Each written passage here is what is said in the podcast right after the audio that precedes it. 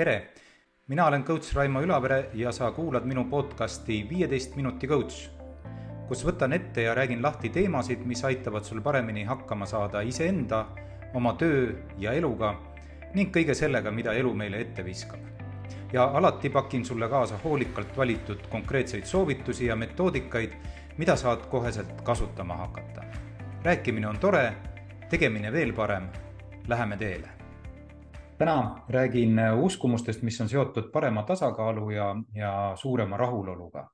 ja, ja oluline täpsustus siia kohe algusesse, et ma ei pea tasakaalu all silmas ähm, seda nii-öelda pingevaba elu või, või igavesti kestvat õnneseisundit, sest noh, tõepoolest äh, sellist asja pole olemas ja, ja hoolimata sellest, et, et seda päris palju siis ka lubatakse või selle poole justkui ka püüeldakse ja tasakaalu all peal silmas äh, seda hetkeseisu äh, oma teemade ja tegevustega, mis aitab sul tasapisi liikuda siis ikkagi lõpuks sinnapoole, et elu on natukenegi parem, et, et, et saad kogeda veidi sagedamini neid ähm, igatsetud äh, rahulolu ja õnnehetki.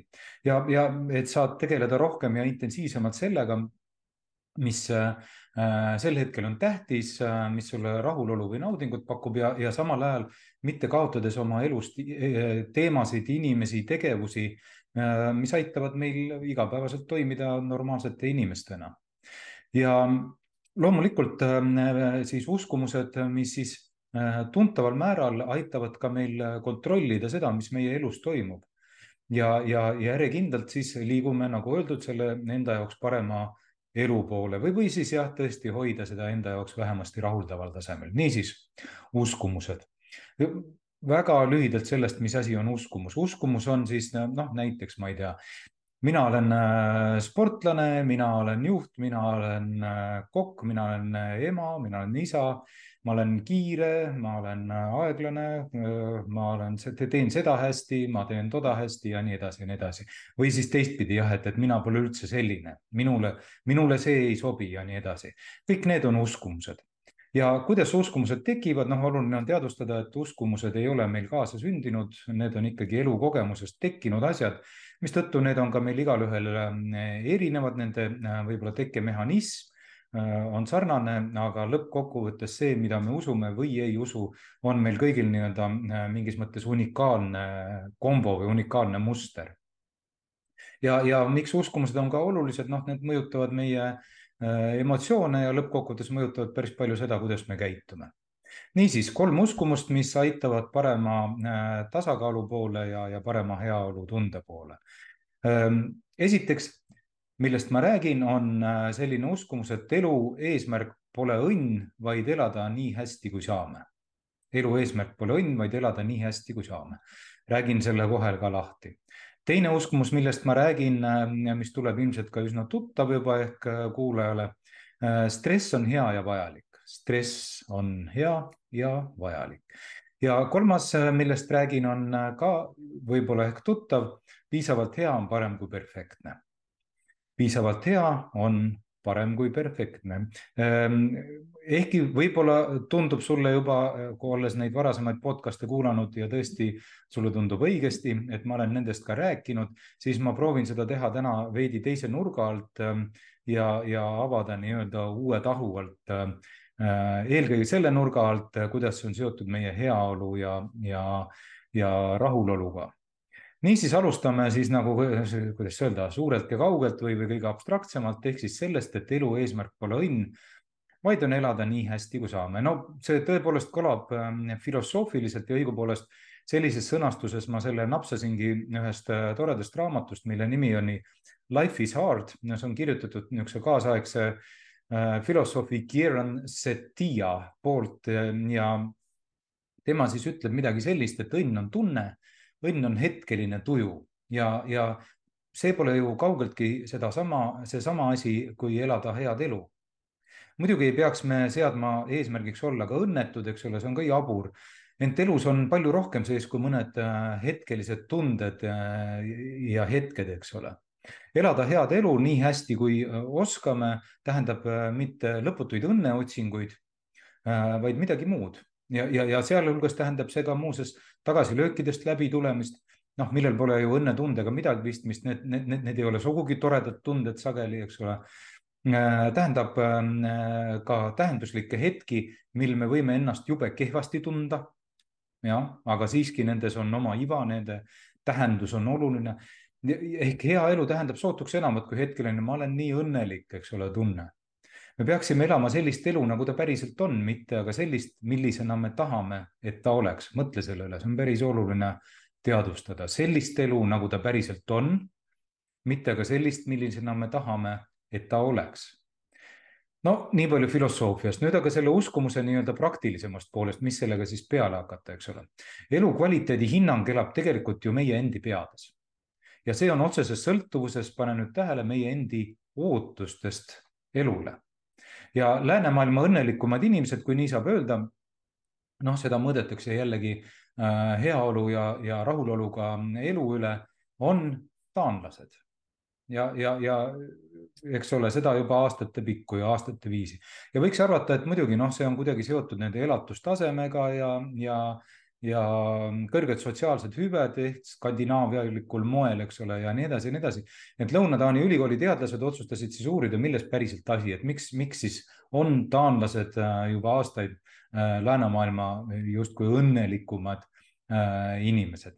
Ja nende järeldus on selline, kui ootused on ebarealistlikult kõrged, siis võivad need olla põhjuseks pettumusele ja madalale rahulole, ütlevad need teadlased. Ja taanlased on eluga väga rahul ja samal ajal nende ootused on sam-, ka küllalt madalal, väidavad taanlased ise.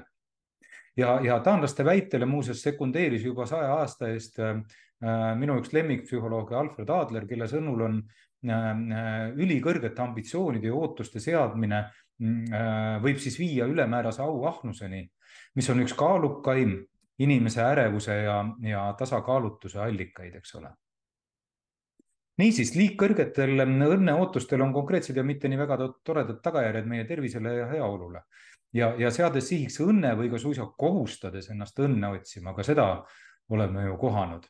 Ehm, ja, ja, ja, ja kohustades ennast, eks ole, mitte ainult otsima, vaid ka õnnelik olema, siis juhtub, võib juhtuda mitu ebameeldivat asja. no esiteks käivad meie emotsioonide nivoo järjest, kuidas siis öelda, järsemalt üles-alla, eks ole Äh, kui mäetipud on kõrgemad, noh, nüüd olen siis, vabandust, üle elu suuruselt õnnelik ja positiivne, ajame näpud püsti, eks ole, siis on tegelikult ka tõenäoliselt orud sügav, sügavamad ehk meie kukume äh, sügavamale, noh, mõnikord ka, eks ole, masendusse. see on reguleeritud meie motivatsioonimolekuli ehk dopamiini taseme kõiku, kõikumistega, eks ole, mida, mis läheb kiirelt üles Äh, ja läheb kõrgele üles, ülevoolav ja kõikehõlmav õnnehetk, eks ole, tuleb ka kiiremini ja sügavamale alla ehk meid tabab nii-öelda dopamiini pohmakas. muidugi veelgi tõenäolisem on, et neid ülikõrgeid õnne, ülikõrgete õnnehetkede asemel kogeme vaid ülikõrgete ootuste puhul äh, ja nende tõttu eelkõige ühe pettumuse teise järel, sest alati jääb justkui natukene puudu jätkusuutlikum heaoluga paremini kooskõlas on aga ekspertide sõnul pigem niisugused, kuidas öelda, laugemad emotsioonikõverad koos realistlikumate ootustega, rahulikult, mõistagi, kui võimalik, pigem positiivselt, väikeste sammudega, tagasilöökidega äh, toimetades äh, jälle mõistlikult ja rahulikult, realistlike eesmärkide ja ootustega noh, need on, eks ole, mõned märksõnad, kui me tahame elada nii hästi, kui saame. või siis teisiti ja otsesemalt öeldes siht on hakkama saada elu raskustega ning suuta sellest hoolimata kogeda tähenduslikke rahulolu hetki. see on jah, see meie nii-öelda siht, eks ole. elada nii hästi, kui saame, on parim, mida me oma heaolu ja tasakaalu jaoks teha saame. vot selline uskumus, elame nii hästi, kui saame. Lähme teise uskumuse juurde, ehk siis äh, stress on hea ja vajalik stress on hea ja vajalik, olen selle kohta ka teinud eraldi podcast'i osa ja, ja, ja, ja nii mõnigi kord ka muudes kohtades seda märkinud ja, ja maininud ja, ja tõepoolest mulle tundub noh, mitu asja seoses stressiga. esiteks see, et stressi demoniseerimine või, või öelda, et igasugune stress on halb ja, ja kahjulik ja seda peab vältima, ei ole väga mõistlik. tulen siis selle teema juurde täna uuesti tagasi, kuna see, see on oluline stress on hea, meile korratakse ja antakse iga päev mõista, et stress on halb, stressi tuleb iga hinna eest vältida, nagu ma ütlesin. no me mõõdame, kellel kui palju stressi on ja niipea kui inimene tunneb pinget, eks ole, siis, siis nii peab tegema talle noh, piltlikult öeldes vaimse tervise koolituse.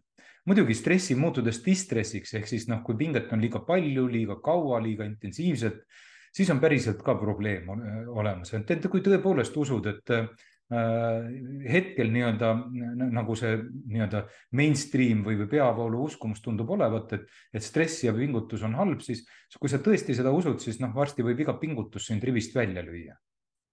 et stressi rollist aru saada, räägin ma äh, korra selle uskumuse all meie närvisüsteemist ehk sellest, kuidas me inimestena toimime. Äh, niisiis, noh, räägime närvisüsteemidest ja, ja, ja selle jutu juures tahan ma teha väikse niisuguse kummarduse oma heale sõbrale ja, ja äh, treenerile Karmen Reinpõldile, kelle jutu suu läbi või kelle mõtete läbi ma selle teema juurde äh, jõudsin, ehk ma räägin autonoomsest närvisüsteemist. Ja autonoomne närvisüsteem on meil kõigil olemas, eks ole, see on niisugune närvisüsteem, mis reguleerib selliseid asju nagu südamelöökide sagedus, vererõhk, hingamine, seedimine, ka seksuaalne erutus ja muu taoline, need on kõik on mingis mõttes meie tahtele allumatud äh, nagu nähtused, eks ole. ja, ja see autonoomne närvisüsteem omakorda jaguneb kaheks, on sümpaatiline, kõlab sümpaatselt, eks ole, sümpaatiline, see ongi see stress tegelikult, see on võitle või põgene äh, olek, eks ole, sul pulss on üleval Äh, pingutus äh, käib ja nii edasi, eks ole, igapäevases mõistes on see seotud pingutusega nagu noh, nende olukordadega nagu tööl, trennis, elu väikeste lastega, mis iganes sellist nagu pingutust ja, ja, ja stressi tekitab. Ja teine närvisüsteemi, selle autonoomse närvisüsteemi osa on siis parasümpaatiline ehk see on puhkus, see on taastumine, see on seedimine, see on seedimine see on ka uni ja magamine, eks ole. nii et kaks asja, sümpaatiline, parasümpaatiline. ja kuidas nad siis omavahel toimivad ja omavahel nad toimivad niimoodi, et nad vahelduvad.